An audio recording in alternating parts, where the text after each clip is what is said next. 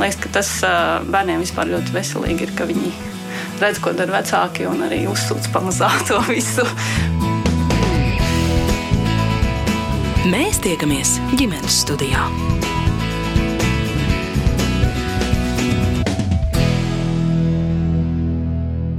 Labdien! Mani sauc Mārcis Notiņš, un šodien man sēž ved uz jaunatvērto Siguldas zoo.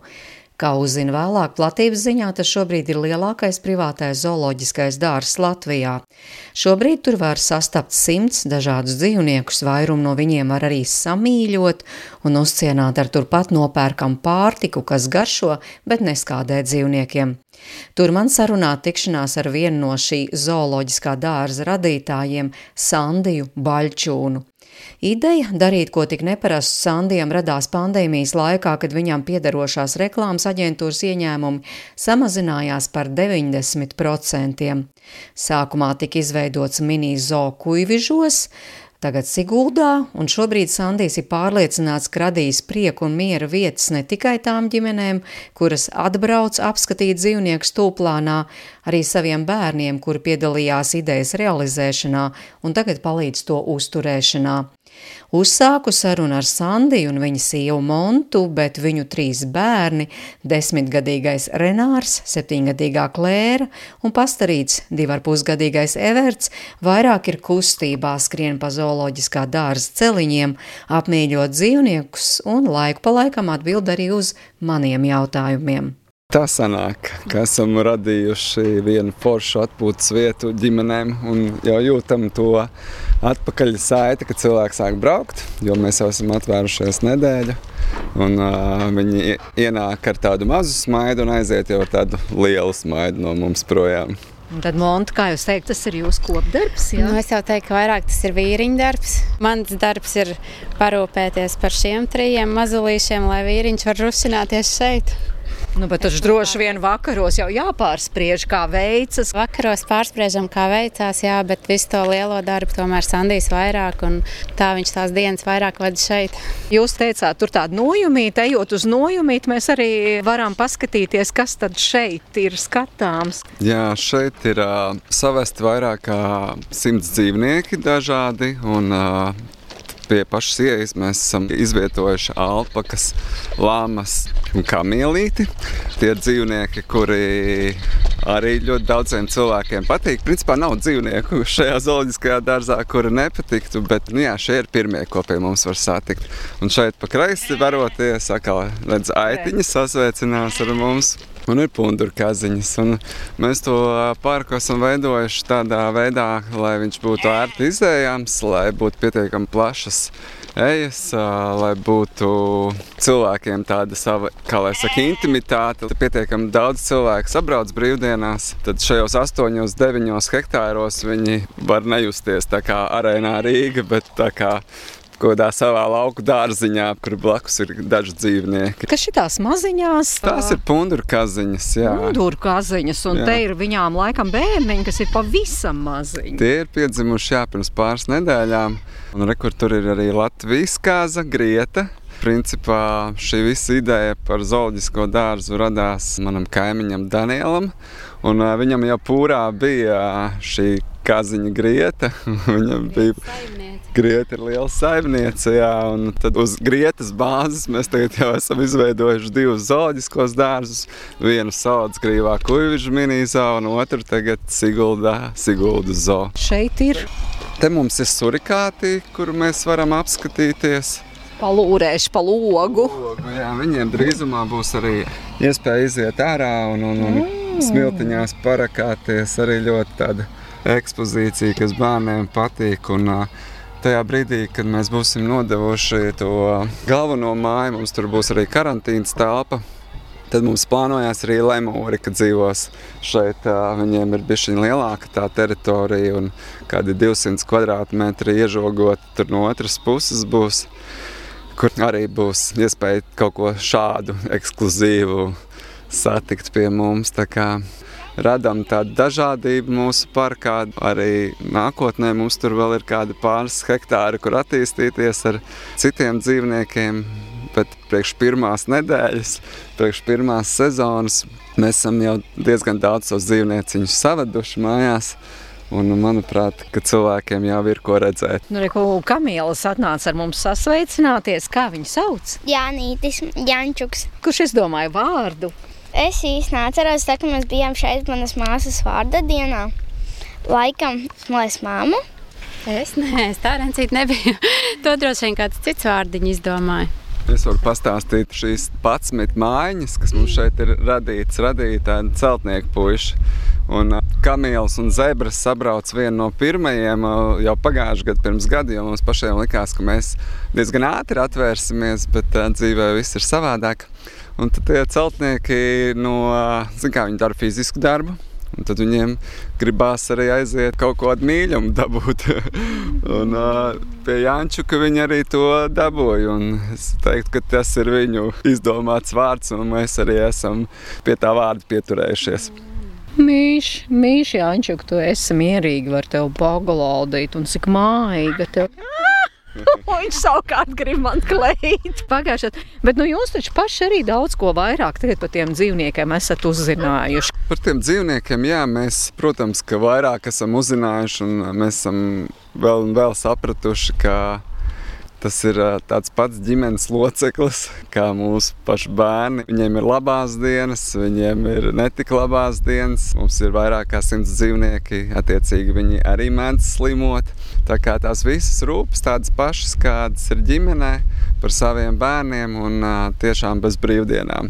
Tā kā tas ir tas stāsts. Es jau sieviņai teicu, ka atvaino man sieviņa, es laikam nebiju pietiekami labs skolnieks skolā ka es nemācīju tagad izdomāt kādu biznesu, kurš nesaistās ar brīvdienām, jo šis konkrētais bizness arī ir tāds, ka sestdienās, svētdienās, brīvdienās un svētku dienās te ir visvairāk cilvēki un vasarās, kad it kā pašam vasarā gribētos atpūsties, bet tagad jā, mēs te strādājam no rīta līdz vakaram, lai gan apčubinātu dzīvnieks, lai apčubinātu tos mūsu apmeklētājus, kas pie mums sabrauc. Tā kā Jā, piedod sieviņu, ka es bieži neesmu mājās. Bet es kaut kādā brīdī, kad šis viss vairāk vai mazāk būs sakārtots, palaists, nu, tas vilciens būs uzlikts uz sliedēm. Tad arī apsolu, kad dot parādu. -hmm. Jā, Monta, vispirms par tiem dzīvniekiem. Ko esat uzzinājusi? Vai kas ir bijis tāds pārsteidzošs? Nu, ar dzīvniekiem ir tā, ka nekas nav tik vienkārši, kā tas izskatās. Un kā jau Sandijs teica, jā, rūpes par viņiem arī ir liels, viņiem arī ir tās bēdiņas, un tad bēdiņas ir arī mums. Un, protams, par tā... ko esat jau tā tiešām nu, bēdājušies? Tad, kad dzīvnieks slimo, vai tad, kad viņi saslimst tā, ka tiešām sanāk aiziet, tad ir kreņķis, jo mums pašiem mājā arī ir truši. Un tad uh, mums pašiem arī ir viens trusīts aizgājis. Nu, jā, tās lietas, tādas, tad, kad tu ņem to dzīvnieku, tad līdz tam tā neaizdomājies. Un, un, jā, nu ar viņiem ir ļoti interesanti. Tām pašām lamām un alpakām, kad tu pieeji, ka tu pat nezini, ka viņi tev var uzspļaut. vai kad uh, Jančuks tev var mēģināt tur pačubināt svārkus vai vēl ko citu. Nu, tā, nu viņi jau baigi foršēri. Bet ir kādi mīļākie, jums mīļākie no tiem, kas nu, šeit ir? Konkrēti, nē, mums viņi visi mīļi. Ah, nē, īstenībā mums ir, mums patīk tās punduri Kā viņi bija vieniņi? Ķīnas munģaki, tādi briedīši maziņie. Viņi, viņi tik super mīlīgi, viņi tā kā sunīti gribētos sētā. Viņš nāk un mīļojās, viņam patīk, ka kakliņu pabuzina. Un, Jā, tie man ir favorīti. Nu, tā ir tā iespēja tiešām pabužināt, gan to kamielu pabužināt, Jā. gan arī citus dzīvniekus, jo viņi nemaz tik ļoti norobežot no cilvēkiem nav. Tev arī ir kāds mīļākais no tiem dzīvniekiem, kas te ir? Uh, jā, man ļoti patīk arī tie ķīnas munģeki. Un, uh, Man vēl ļoti patīk, kā tie uh, Ziemeļbrazīlijas kalitrīks, viņi tādi mazi marketīši. Nu, Viņi ir tādi tā kā, mazi cilvēciņi. Man vienreiz bija saldējums, un viņi sekoja man, jo man bija saldējums. Es nezinu īsti, kas mm. man viņās tik ļoti patīk. Man ļoti patīk viņi. Nu jā, bet tad arī tev ir tā iespēja labāk iepazīt tos dzīvnieciņus. Jo tie, kas te atbrauc, tie varbūt atbrauc vienreiz mūžā, iztaigā, apskatās un aizbrauc. Bet es saprotu, tad jūs visa ģimene šeit esat bieži, vai ne? Jā, bieži. Renārs jau te pavada savus vasaras. Viņš jau sāk ar uh, Kuivižu mini zoo, kad tur atvērās, tad viņš visu vasaru nodzīvoja tur. Un tagad, tiklīdz vārtā viņš ir šeit, ja viņam nav treniņi vai kas cits mājās darāms, tad šī ir vieta, kur viņš atrodas. Nu, faktiski jūs visi esat šeit, ja tajās brīvdienās, par Nu, kurām mazāk. jau Sandijs Jā. stāstīja. Es mazāk, es ar bērniem vairāk mājās, jo tomēr Evertiņu arī šeit grūti ir novaktēt, jo viņš skrien uz visām pusēm. Bet jā, Renārs ar Sandiju šeit ir, var teikt, visu laiku. Evertiņam, cik šobrīd? Evertiņam diva pusi. Gribu arī tev pajautāt par tiem dzīvnieciņiem. Tev arī ir kādi mīļākie no tiem, kas ir šeit redzami? Jā, trusīši. Kāpēc kā tev tu mājās ļoti viņus patīk? kop un kā tu viņiem nes barību, un ūdeni un rūpējies par viņiem? To dara Renārs. Bet tie ir tie trusīši, kas mums ir mājās vai kas ir šeit? Mums mājās ir jau tādi divi trusīši, kas ir bērniem uzdāvināti, jo viņi nu, no tā zooloģiskā dārza negrib šķirties. Līdz ar to mums bija kaut kāda ekspozīcija jāieliek arī mājās. Un tad ā, bērni, mēs viņiem teicām, ka būs, protams, jārūpējās. Un, un noteikti, ka dzīvnieki ir tāds pienākums, kas jau bērniem no bērnu kājas māca to atbildību. Tas nav tā, ka tu vari nu, nedēļu nelikties, nezinis kaut kādā brīdī atcerēties, un tad aiziet ūdeni ieliet. Bet viņam tāpat kā cilvēkam ir jādzer un jādara katru dienu. Tā kā jā, mums ir gan sunīts, gan uh, trusīši mājās, un es domāju, ka mūsu bērni būs dabūjuši to saprašanu, kā ar dzīvniekiem jāpietās. Tas ir būtiski, jā, man liekas, ka bērnos tas atver tādu mīlumu un tādas rūpes, jo Renārs jau ir izdomājis, ka viņam vēl tagad degū peles vajag mājās. Sākumā liekas, nu nē, nu kur vēl peles pietrūks, bet no otras puses liekas, kad laikam ir jādod to iespēju viņam rūpēties un lai viņam tiek tie dzīvnieki pēc iespējas vairāk, jo man liekas, ka tiešām tie bērni paliek tādi mīļāki un tas rūpes izrāda tiem dzīvnieciņiem.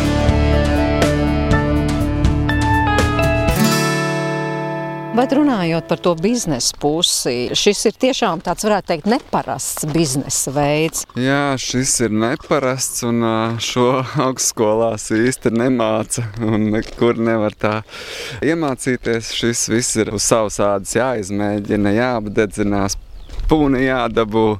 Daudz sirmi mati un negulētas naktis. Tas viss iet kontekstā ar kaut ko jaunu, ko tu radi. Kur nav tev kāds, kas pa priekšu gājis, un kur tu varētu kaut kādu šablonu jau nokopēt. Te tomēr tu ej un, un, un radi no jauna visu.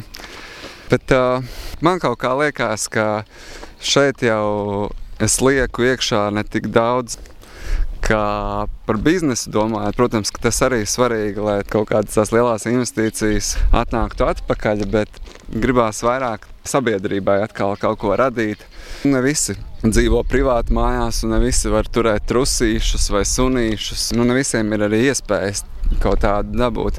Tad šeit ir vēl viena vieta, kur viņi to var dabūt. Nezinu, reizi mēnesī vai reizi pusgadā, kā nu vecākiem ir rocība vai iespējas. Noteikti es pilnīgi redzu, kā viņi ir pa ceļam no mājām nosēdējušies telefonos vai planšetēs dažkārt, un viņi ir ļoti jau tādi apātiski kļuvuši, kamēr atbrauc pie mums. Un pēc tam ejot prom no zooloģiskā dārza, iztaigājot to stundu vai pusotru, pavadot dabā ar dzīvniekiem, un es redzu, kas ar viņiem notiek, kā tie smaidi parādās viņu sejās. Tā ir tā enerģija, kas pēc tam materializējās arī tajā priekā, un ne visu var naudā izmērīt. Es domāju, ka to šoreiz mērīšu tādā emocionālā un karmas līmenī, ko tas mums dod atpakaļ. Varbūt tas arī viens no iemesliem, kāpēc tādi mini-zoo un visādi citādi zoo ir tik ļoti pieprasīti un populāri. Es, es domāju, pilnīgi noteikti, jā. Es domāju, ka tās ģimenes, kā jau Sandijs teica, kuriem nav iespēja dzīvot privāti mājās vai viņi dzīvo dzīvokļos, ka viņi ir priecīgi, ka viņi var izrauties. Un tie dzīvnieki, viņi tiem bērniem iedod tādu mīlumu un tiešām ar tiem smaidiem, kādiem viņi iet projām, tas noteikti tā visa dēļ arī tiek radīts. Manuprāt, gan mīlumu, gan arī tādu mieru tie dzīvnieki iedod. Jo tā ikdiena ir tāda skrejoša, ātrā, dinamiska. Un tad, ja tu vari izrauties pie kāda dzīvnieka vai, nezinu, mājās paņemt kaķi klēpī, tu ieej tādā kaut kādā mierīgā transā. Un tas ir noteikti sasniedzams arī šeit pie mums arī skaista daba. Mēs atrodamies Gāzes Nacionālā parka ainava zonā, kas ir redzama visapkārt. Te ir gan tādi mazi kalniņi, palēņas. Kad mēs ieraudzījām šo vietu pirms pusotra gada, tā vēl bija ziema.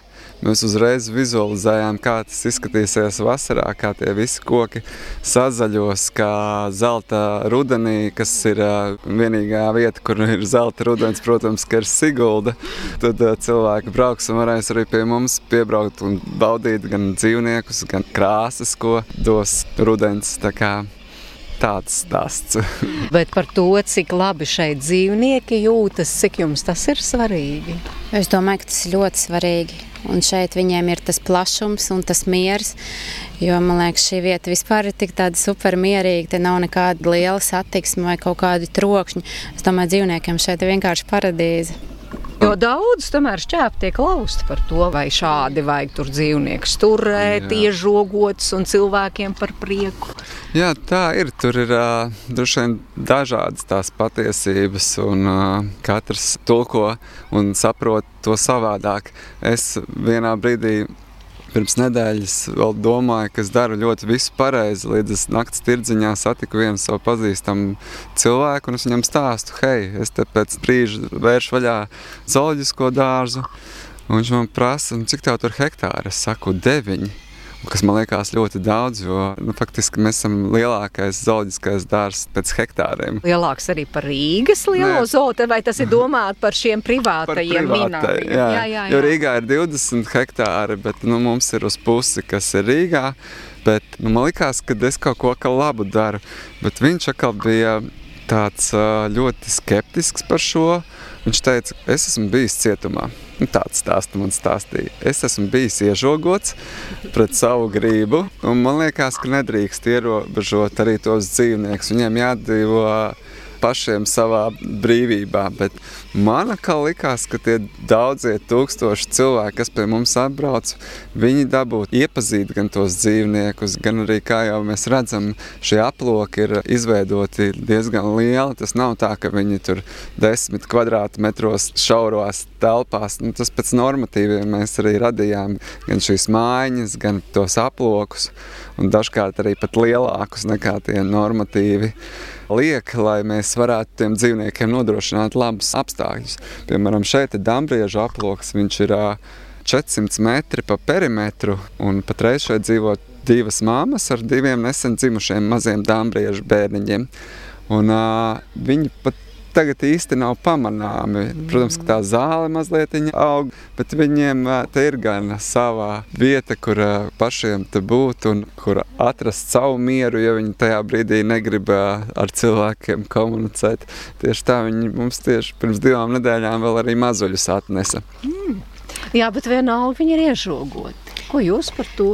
Nē, nu es uzskatu tāpat kā Sandijs, ka tie aploki ir gana lieli. Man vispār neliekas, ka tie dzīvnieki būtu iežogoti. Ja paskatās, kā viņi tiešām dzīvo citur, tur saspiesti mazās sētiņās, tad man liekas, ka viņiem šeit tāpat ir brīvība, svaigs gaiss un daba apkārt. Un es absolūti nemaz tā neskatos uz to tā, ka viņi būtu ielikti cietumā vai kaut kā norobežot, iežogot. Nē, man galīgi tā neliekās.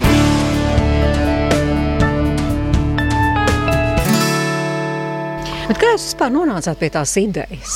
Kaut ko tādu radīt. Es domāju, kuram katram varbūt tas neienāk prātā. Es stāstīšu, jā, tas aizsākās ar Covid. Man pašam ir reklāmas aģentūra.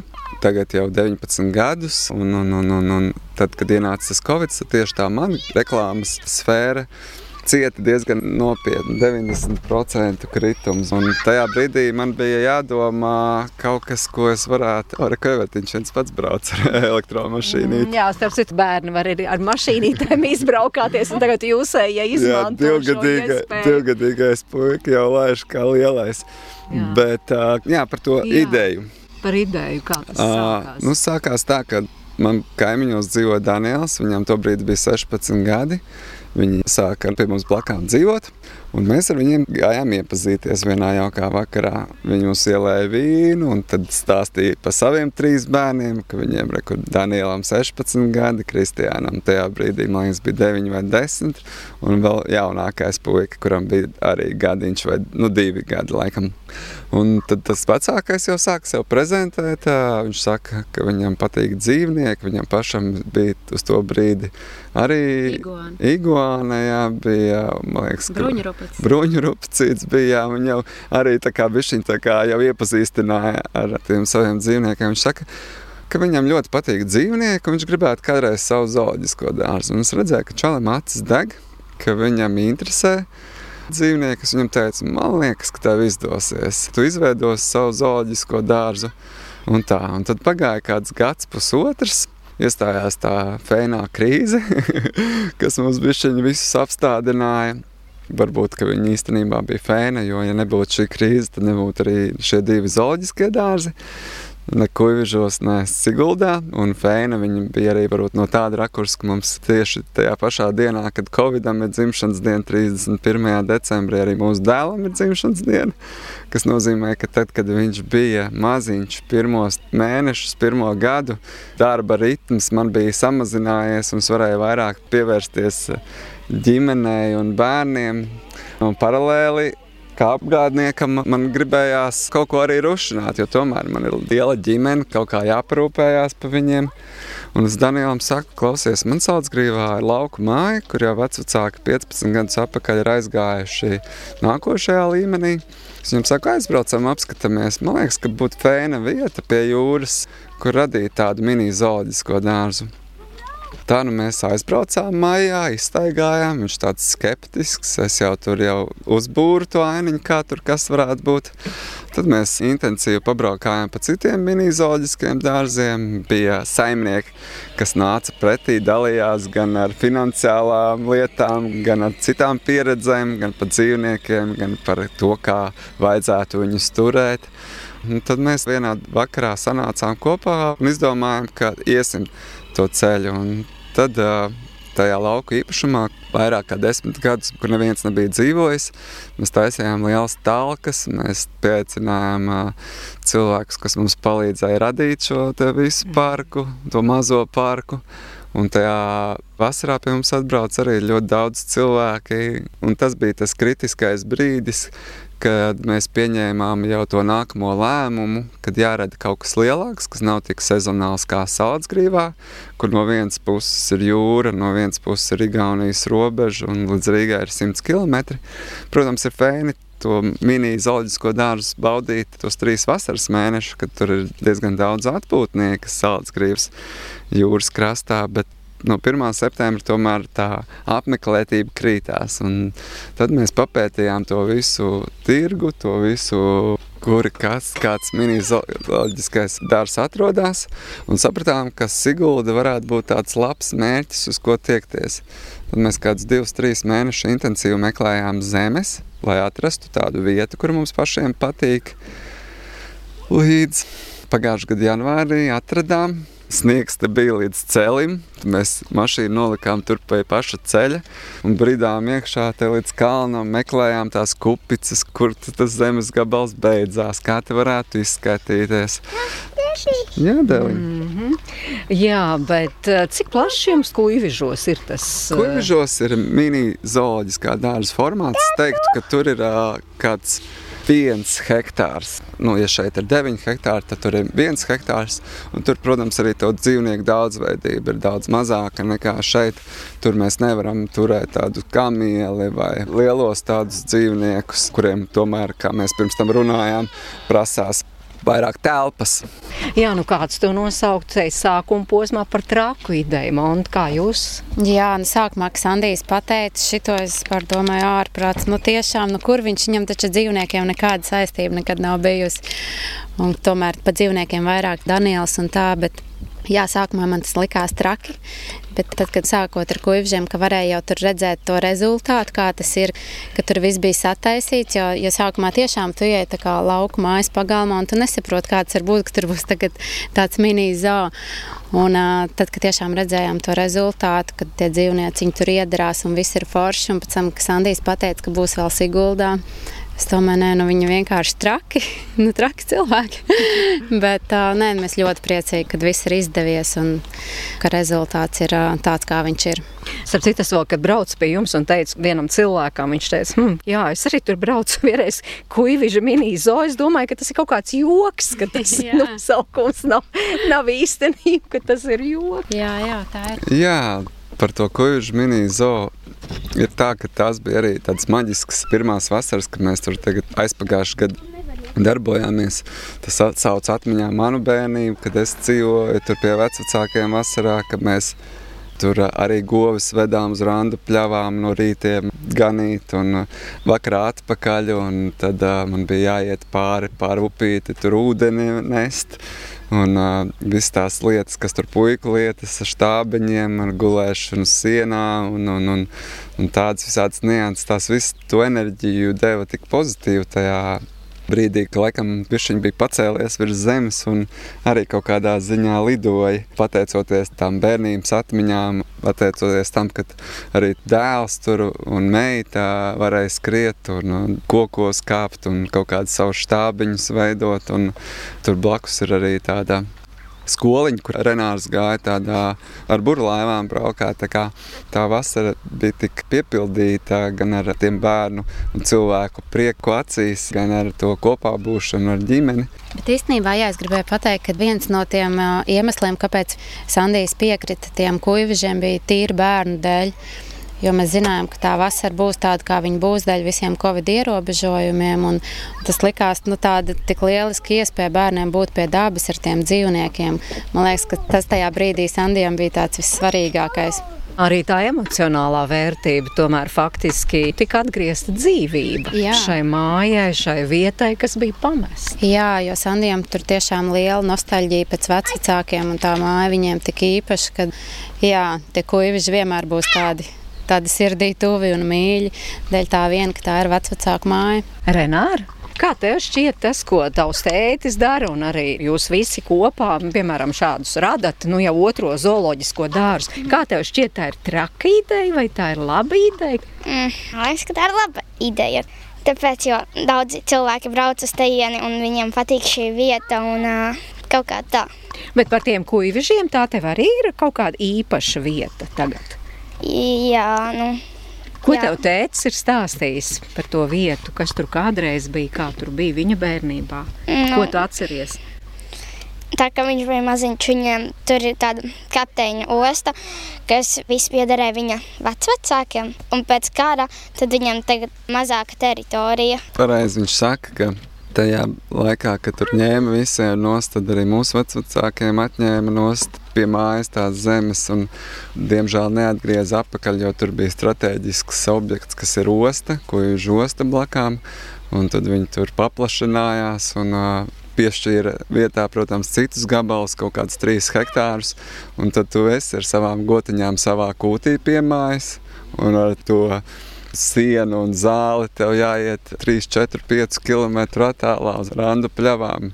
Tas bija tas, ko mēs bērnībā Tur gan sienu vācām, gan mums pat pie mājas īsti kartupeļu lauks nebija. Mums bija piešķirta 3-4 km attālumā viena tāda pļava, kur vecāki varēja kartupeļus stādīt un rudeņos tālāk taisīt. Nu, jā, tā ir tā nostalģija jau. Varbūt tās man viņa tāda spēcīgāka ir. Protams, ka bērnam to vari nodot ne tik ļoti spilgti. Viņš to var iztēloties, kā tur bija to sienu vākt, pēc tam to visu uz kūts augšu, visu celt augšā. Tu kā mazais bērni tur visu stampāja, lai pēc iespējas vairāk un varētu salikt to sienu iekšā jumta malās. Un, un, un Man vecais tēvs audzēja tomātus un gurķus, tad mēs braucām uz vecmilgrāvu tirdziņu to visu realizēt, mēģināt. Tur mums arī varot vecāki iedeva tādu saprašanu, kas ir nauda, kā viņa veidojās. Teiksim, ābols, ko mēs salasījām, tā bija mūsu naudiņa, ko mēs tirgu nopārdevām.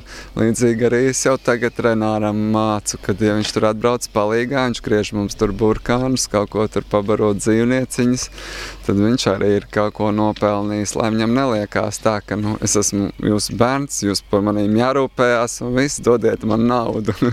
Katrai naudai ir kaut kāds darbs apakšā.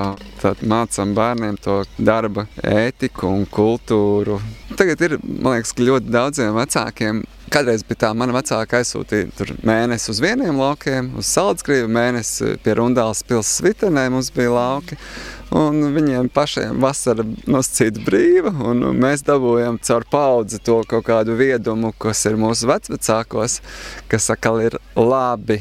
Tad šobrīd šajā situācijā ļoti daudz vecāku visu caur vasaru. Viņi vairs nevar nodot uz laukiem, jo tādas lauku saimniecības ir palikušas tikai retajam. Un tas varbūt tās ir tas, ko mēs šobrīd varējām kaut mazā, mazā izpildījumā, bet nodot Renāram. Renāta tikko tavs tēcis stāstīja, ka tā ir arī iespēja tev, piemēram, šeit ne tikai vienkārši atbraukt un par dzīvnieciņiem papriecāties, bet arī parūpēties, kādu darbiņu izdarīt. Ja? Jā. Kas ir tie tavi darbiņi? Es pagriežu burkānus. Piemēram, man Daniels palūdza apskatīties visiem zvēriem ūdeņus. Tad es skrēju pa visu zoodārzu, skatīties, kuriem zvēriem ir ūdens un kuriem nav. Un, nu, es kaut ko tādu palīdzu tētim. Cik tā var nopelnīt? Tā, kad es pa dienu griežu burkānus, tēvs man samaksā 5 eiro pa dienu. Jā, forši, cik tev ir gadi? Desmit. Super, tad tu savos desmit jau tomēr var nopelnīt savu naudiņu, kā izlietot. Es um, vēl nekā neesmu lietojis savu naudu. Uzdod vecākiem, lai vecāki varētu investēt zooloģiskajā dārzā. Uz procentiem viņš aizdod, un tad mēs atkal kaut ko vēl varam izdarīt Venerenčuk. Bet pēc tam, kad viņš dabūs atpakaļ, tad tev kaut kāds ceļojums jau sanāks uz kaut kādu Disneylandu vai uz kaut kādu legālu zemi. viņš jau tagad ir izdomājis, ka viņš pa savu iekrāto naudu degū peles pirks. Bet būri būs mums jādāvina. Bet, tā, jā, viņš jau skatās uz tiem dzīvniekiem. Viņš domā to naudu kaut kā tur arī daļu izlietot, ko viņš jau gribētu vēl mājās piepirkt. Tā. Tā kā jā, tie dzīvnieki viņu ļoti pozitīvi ietekmē. Mm -hmm. Un Klēra, tev arī kāds darbiņš tiek uzticēts šeit? Cik tev šobrīd ir gadu? Septiņi. Ir kāds darbiņš arī, ko tev uztic? Saldējumu ēst. Vai tev tomēr vēl jāpaugas tā kā brālim, lai tev uzticētos darbiņus? Jā. Jā, viņa mūsu mazā mīļā princesīte, viņai vairāk ar evertiņu ir arī jāpaspēlējās un jāpadauzās. Tā kā meitiņa vēl 7, 6 gadi, ne viņa var tur sienu nest, ne viņa ūdeni var nest, un ne viņai var iedot arī kādu burkāniņu pagriezt. Tā kā te jau jāskatās. Viņa var pabarot kādu dzīvnieciņu no rociņas vai neklēru citu. Tieši tā. Es skatos, ka arī piedodas aizmirst pēkšņi tavu vārdu. Renārs. Jā, es skatos, ka arī Renārs lieliski tiek galā ar evertiņu. Jā, viņi īstenībā abi ir ļoti, ļoti lieli palīgi. Jo reizēm man ir tā, ka tiešām viss ir uz visām pusēm, un kaut kas vēl jāpaspēj cits izdarīt. Tad uh, es viņus kā savus palīgus saku, lūdzu, rencīt vai klērucīt. Es saku, pieskatiet mazliet viņa brālīt un tā. Un, un viņi, viņi ļoti atsaucīgi, jā, viņi man tiešām lieli palīgi. Tas ir interesants darbiņš. Nu, kā kurā reizē? Kāda ir tās foršās reizes? Foršās reizes, tad, piemēram, kad uh, es varu pieskatīt brālīti, un tā māmiņa iet veikalā, un mēs varam dabūt saldējumu. mm, nu, re, jā. Tā kā šodien. Tā kā šodien barterīts, jā, un te jau ir par to, ka darbiņš, un pēc tam arī kaut kas foršs, no nu, tā nosacīt sakot tālu. Atgādinu, ka šodien ģimenes studija sarunājas ar divu privāto zooloģisko dārzu, Kuivīžu minizo un Siguldas zoo, vienu no izveidotājiem un īpašniekiem Sandiju Baļķūnu. Sarunā iesaistās arī viņa sieva Monta un vecākie bērni Renārs un Klēra, un Sandijs pastāsta, kā man vieglāk iegaumēt viņa vecākā dēla vārdu. Mana mīļākā grupa jau tos 30 plus gadus ir prāta vētra. Un tad mēs ar sieviņu spriedām, kā sākt mūsu pirmo bērniņu un uh, iedavām viņam par godu Renāram Kauperam, arī viņa vārdiņu. Pēc tam jau, kad tur paaugās, tad jau parādījās vēl visādi forši Renāri.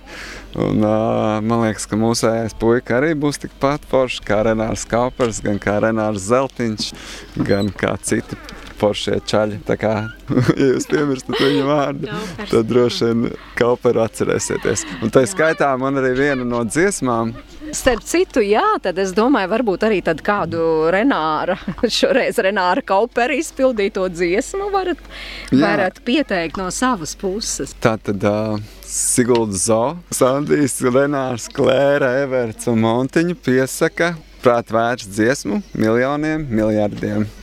Tā viena no pirmajiem albumiem ir prāta vētrai dziesma šī. Un, uh, viņā klausoties, ir tas pašs prāta vētras pirmotnīgums. Tie puiši, viņi pa manīm kāds 3-4 gadus vecāki. Un viņi jau liek iekšā to savu dzīvi, principā dziesmās parasti. Un uh, tad tu kā jauns čalis, nu, bišķiņ jaunāks nekā tie zēni, tu viņos klausies un tu jau mēģini saprast, ko viņi ir tajos vārdos likuši iekšā. Un tā cauri visu laiku, viņi tev gāja tos 3, 4 gadus pa priekšu vecuma ziņā, un tu visu laiku viņu dziesmās saklausīji to, kas tev ir aktuāls. Arī tu līdz vai būs aktuāls, vai ir aktuāls. Daudz miljoniem, miljardiem krīt zvaigznes, bet tavējā spīd. Un manējā ar. Vēl viens tāds bija tāds, ka mēs ar sieviņu apprecējāmies Amerikā, un tad mums bija vēl viena versija, varot viņu amerikāniski nosaukt bija versija par Brendonu, bet man liekas, ka Brendons ar, ar Siguldas un Koviču zoo tur īsti nesaskanētu. Tad tur būtu jāveido, nezinu, kaut kas cits, kaut kāds McDonaldiņš vai kaut kas tam līdzīgs.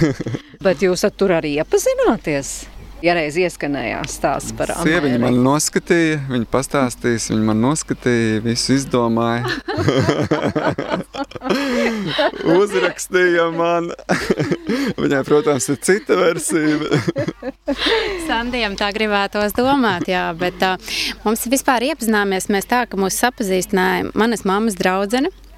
Viņa man saka, es zinu vienu foršu čali, brīvs un ģimenisks un foršs. Un, Un tā, un es domāju, ne, nu labi, gan jau kaut kā varbūt dzīve savadīs vai vēl kaut kā, un tad uh, viņa bija viņam ierunājusies, un es domāju, ārprāts, ko viņa būs cilvēkam sastāstījusi, un tā es viņam rakstīju draugos ka es esmu tā monta, par kuru mammas draudzene runāja. Tā es saku, atvainojos, ja tā draudzene kaut ko sarunājas. Un tā mums sākās tā saraksti, un uh, pēc trīs mēnešiem vīriņš man bildināja, un pēc sešiem mēnešiem jau apprecējāmies. Tā kā mums viss tur tā, tā raiti. Tad tā pareizā bija ierunāta, jā? Bija ļoti viss tā forši tā sakārtojies, jā, jo Montiņai bišķiņa ar tiem cipariem. Viņi nav spēcīgi. Mēs iepazināmies 10. februārī, 10. aprīlī. Tas ir mārciņš, aprīlis, divi mēneši pagājis. Viņu bildināju. Un pēc tam 5. jūnijā mēs pēc Latvijas laika mēs apprecējāmies. Amerikā vēl bija 4. jūnijas, bet Latvijā jau bija 5. jūnijas. Kaut kā tā, man liekas, bija. Tā kā tad jūs melīs... bijāt tur dzīvojāt? Nē, mēs, dzīvoj, mēs dzīvojām tepat Latvijā. Man bija jābrauc Un, nu, kā, mēs saķērāmies. Man tajā brīdī jau bija 32 gadi, un es jau sapratu, ko man dzīvē vajag, ko man īsti nevajag. Aizbraucu, apskatījos, kāda ir mamma, jo tas arī ir svarīgi.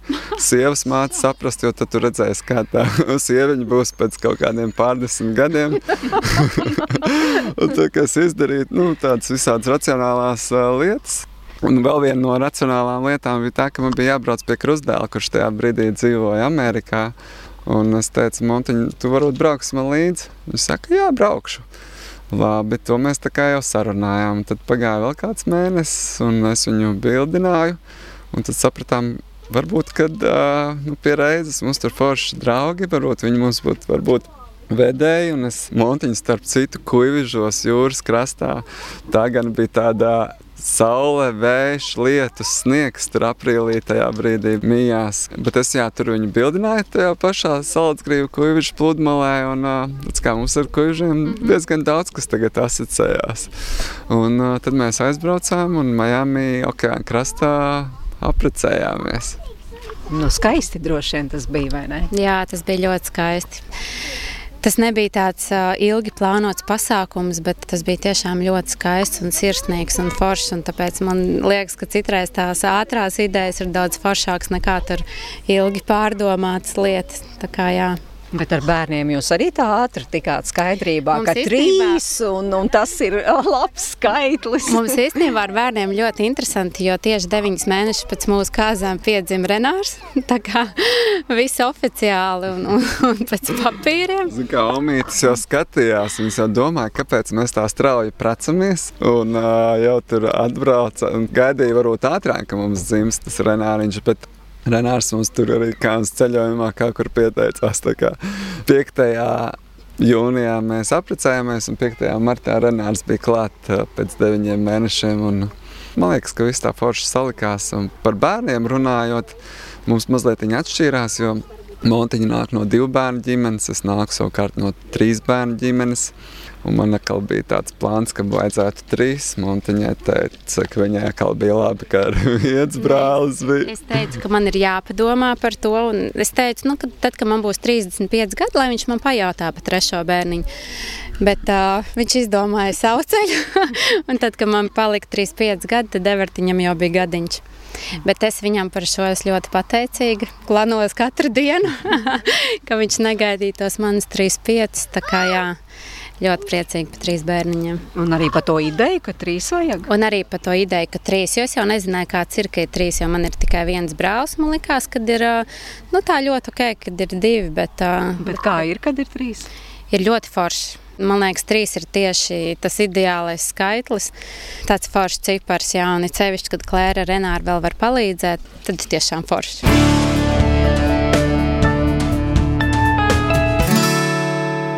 Tad, tad tagad tas viss centrs, jūsu ģimenes dzīves centrs, ap ko griežas jūsu ikdiena, jūsu dzīve, ir šie zooloģiskie dārzi. Kas tur ir vēl apkārt, kas ir vēl svarīgs? Nu, Montiņai vēl ir uh, mašīna, degviela un loģistika. Jā, ja trīs bērni. Mēs dzīvojam tādā vietā, kur ar sabiedrisko transportu bērni paši nevar nekur īsti izbraukāt. Renārs trenējas futbolā, tad mēs dzīvojam pie mazā Baltazara. Un, tad treniņš dažkārt ir ādažos, dažkārt viņš ir Cārnikavā. Klēriņa vēl tikko beidz dārziņu, kurš ir jaunciems šoseis. Tad mammas lielākais darbiņš ir būt ar bērniem loģistikā, ceļā no rīta un vakarā. Jā, šis ir tas moments, kad Everts atkal ir paudzies, ka viņš ir atstājams nomēm. Nu, mēs arī paši kaut ko jau varam sākt veidot, savas attiecības atkal uzfrišināt. Jo, protams, kad tev ir mazs bērns, tad tev vienam otram paliek mazāk laika. Un šajā brīdī mēs atkal varam iet uz teātriem, baudīt kultūru, uz prāta vētras koncertiem. Es droši vien atkal braukšu uz kādiem trīs vai četriem. Nu, viņi reizes četros gados Latvijā performē, tad jādabū tā prāta vētras deva ir diezgan intensīvs šīs vasaras gaitā. Tad, tad šis eh, zooloģisko dārzu bizness, tas tad ir palicis kā vienīgais. Jūs paļaujaties, ka ar to var nodrošināt uh, trīs bērnu ģimenes ikdienu. Tas nav palicis vienīgais. Mums pirmais bērns, tā kā tā promo aģentūra promotīma, kas jau ir 19 gadus, tā sfēra tagad arī mostās. Un, tajā brīdī, kad aprīlī varēja bez maskām sākt staigāt, Es uzrunāju visus savus klientus, kas man jau 19 gados bija izveidojušies, un viņi uzreiz atsaucās. Viņi arī jau bija nogaidījušies pēc tam degustācijām, prezentācijām, pasākumiem. Man ir tā reklāmas aģentūra, kur arī jaunieši ļoti daudz darbojās. Mēs reklamējam visādus jaunus produktus. Un, tas tagad atkal ir atnācis atpakaļ un sanāk tā, ka tagad tiešām stundas ir par maz dienā, lai to visu paspētu. Un, uh, ir ļoti daudz arī jaunu klientu izveidojušies tagad pēdējā laikā, jo ne visas aģentūras, kas mani konkurenti, izturējušos divus trakos gadus, kad tev apgrozījums nu, man kritās pa 90%. Es pieņemu, ka uh, bija kompānijas, kurām kritās arī pa 90%. Ļoti liels paldies valstī, kas atbalstīja, kas novērtēja, ka mēs esam maksājuši nodokļus pirms tam. Tā kā tādā veidā mēs varējām noturēt gan oficiālu, gan darbiniekus, gan samaksāt līzingu maksājumus un mēģināt uzturēt ģimeni. Tā kā tie, kas saka, ka valstī viss ir slikti, nu, nevienmēr es tam piekritīšu. Nevienmēr, nē, nē, nē. Man liekas, ka mēs dzīvojam brīnišķīgā valstī. Mums ir brīnišķīgi gada laiki, mums ir uh, brīnišķīgi cilvēki un vajag tikai darīt nevis pa lielveikaliem izklaidēties un patēriņa kultūru mācīties un mācīt saviem bērniem, bet pakustēties un virzīties uz kaut kādiem saviem mērķiem un piepildīt vienu, otru, trešo. Un tad jau mums visiem kopā būs labāka dzīve un pamaksāt konkrētos nodokļus. Un pēc tam izrādās, ka tas nāk arī atpakaļ ne tikai vecumdienās, bet arī kādā šādā Covid krīzē. Nu, tā. Nu, Reja otro reizi šīs sarunas laikā skan paldies no Sandija puses, tagad paldies valdībai un tādu paldies zemē, kurā dzīvojam.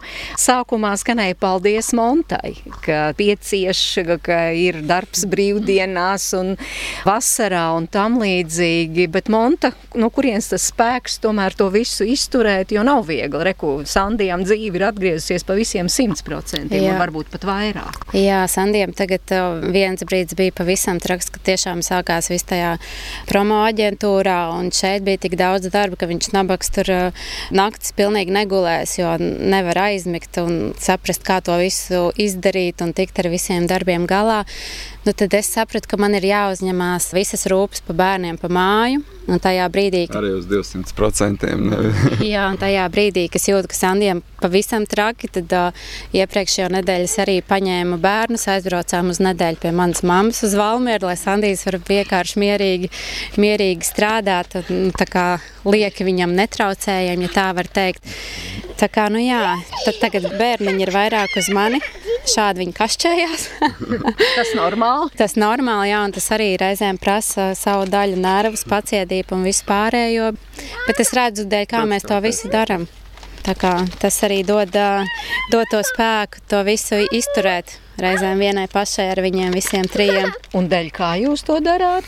To mēs darām galvenokārt dēļ ģimenes. Es zinu, ka Sandijs to dara mūsu dēļ lai mums visiem būtu labi, lai bērniem būtu labi, lai viņiem būtu iespēja būt šeit dabā, būt kopā ar dzīvniekiem un uh, mazliet savādāk to savu ikdienu veidot. Nu, varbūt mēs varam ļaut to otru dziesmu bērniem izvēlēties. Renāra, tev nav kāda ideja forša, kā mēs varētu šito sarunu noslēgt ar kādu dziesmu? Ar kalniem pāri, jo tā ir mana krustāva dziesma, un man vislabāk patīk nāk. Krustāvs dzied? Jā. O, oh, vēl viens stāsts, jā? Ja? Jā, vēl viens stāsts. Jānis Aišpurs, mēs ar viņu mācījāmies pirmajā gimnājā, paralēlā klasēs, un tādā veidā sadraudzējāmies gan basketbolu spēlējot, gan arī klausoties viņu mūziku. Un tad bija tas brīdis, kad uh, bija jāizdomā, ko dot Renāram pa krustvecākiem. Un man iešāvās šī ideja prātā, un Montiņa viņa akceptēja. Man liekas, ka šī izvēle arī iedod Renāram vienu foršu šķautni. Viņš atkal redz kaut ko no mūzikas pasaules, no mākslas pasaules, kas ir uh, Jānis Aišpurs. Krustāvs bija aizmirsis mazliet viņa dzimšanas dienu, bet pēc pāris dienām viņš rehabilitējās un uztaisīja tādu foršu klipu ar Renāru Kauperu un nodziedāja dziesmu Renāram Baļķūnam, lai, lai viņu iepriecinātu. Bet jā, tas ir tas, ka tev ir arī jādomā, kas ir tie cilvēki, kas būs tavam bērnam apkārt, kādā vidē viņš veidosies, kas būs, ja mums kaut kas, mēs saslimsim, kur mēs varam atstāt, kas mums būs tie pa palīgiem. Tā kā tie atkal ir tādi svarīgi lēmumi, kuri katram vecākam jāpieņem. Un, un, un, un tāpēc mēs rūpīgi arī domājam, kuru bērnu, kuram cilvēkam kā uzticēt. Un, jā, tāds stāsts par Jānu Aišpuru.